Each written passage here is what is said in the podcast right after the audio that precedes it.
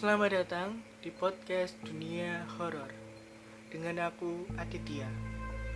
Podcast Dunia Horor menceritakan kisah-kisah horor di masyarakat. Bagi yang berminat mengirimkan kisah horornya bisa mengirim di dunia horor 123 at gmail.com atau DM via IG dengan nama podcast Dunia Horor. Tidak lupa saya ucapkan selamat menjalankan ibadah puasa bagi yang menjalankan. Untuk episode 4, aku akan menceritakan kisah dari pengirim yang bernama Rafael. Perkenalkan, namaku Rafael. Aku akan menceritakan sebuah kisah horor yang pernah aku alami ketika di pondok. Pada awal aku pertama kali masuk pondok itu, yaitu pada awal tahun 2015. Ketika itu, aku duduk di bangku MTS di pondok. Dan di pondokku itu adalah salah satu pondok tertua di daerah Solo. Jadi gini sejarahnya. Pada zaman dahulu, pada masa kolonial Belanda dan Jepang, pondokku adalah markas besar para pejuang revolusi kemerdekaan Indonesia. Dan di dalam komplek pondokku ini ada rumah panjang yaitu dulunya dipakai buat industri batik pada era itu. Dan di rumah itu juga dahulu dipakai para pejuang untuk menempatkan senjata-senjata mereka. Istilahnya bisa dibilang gudangnya senjata. Pada suatu malam, pada jam 12 malam, temanku ada yang iseng untuk menyelinap ke dalam gudang bekas pabrik batik itu dan tujuan mereka menyelinap ke dalam sana untuk bisa melihat sosok makhluk yang sering diceritakan oleh para santri senior bahwa mereka pernah diberi cerita kalau pada malam hari di gudang itu biasanya terdengar seperti ada benda jatuh atau ada kegiatan orang banyak. Maka, mereka ingin memastikan bahwa cerita itu benar atau tidak.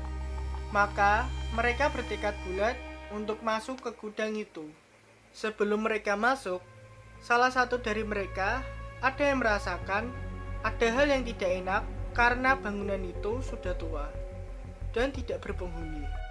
Tapi apa buat? Karena mereka sudah bertekad untuk masuk ke dalam. Mereka memasuki ruangan kosong yang berada di dalam gudang itu. Mereka menelusuri semua sudut ruangan itu dan mereka tidak menemukan apa-apa. Dan mereka berbangga diri karena mereka merasa bahwa setan itu tidak ada dan mereka tidak menemukannya.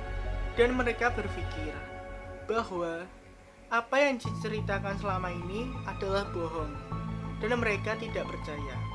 Setelah itu, tiba-tiba mereka mendengar ada benda yang jatuh dari salah satu ruangan yang telah mereka telusuri, dan langsung mereka merasa merinding di tubuh mereka. Tetapi mereka tetap mencari benda apa yang jatuh itu tadi. Ternyata telah mereka telusuri, mereka tidak menemukan apa-apa di ruangan tersebut. Dan setelah itu, mereka merasakan ada hal yang aneh yang berada di belakang pintu itu. Mereka memberanikan diri untuk membuka pintu itu. Dan ternyata di belakang pintu itu ada sosok kuntilanak yang menyeramkan dan menggunakan baju merah, gigi yang tajam, rambut yang panjang, dan mempunyai mata yang merah. Dan langsung, spontan mereka langsung lari tergelitik. Keluar dari gudang itu dan mereka bertemu ustadz yang tengah berkeliling pondok untuk memastikan seluruh santri sudah tidur. Dan ustadz itu berkata, apa gerangan kalian masuk ke gudang itu malam kayak gini? Mereka berdua pun menjawab, kami ingin membuktikan apakah ada setan dalam gudang itu seperti yang sering dikatakan oleh para santri yang lain. Dan ustadz itu segera menyuruh mereka untuk segera tidur di kamar mereka masing-masing. Dan pernah, dulu di saat aku setelah belajar malam di pendopo yang terletak di depan kantor pengasuh santri, tiba-tiba aku dipanggil oleh ustadz untuk pergi mengambil semen yang ada di gudang. Setelah itu, aku pergi ke gudang itu melalui pintu belakang karena pintu depan itu digembok. Dan akhirnya aku masuk melalui pintu belakang yang sering diceritakan oleh teman-temanku. Dan sebelum masuk, aku berpikir sejenak. Dan aku melihat lingkungan yang ada di sekitar gudang itu.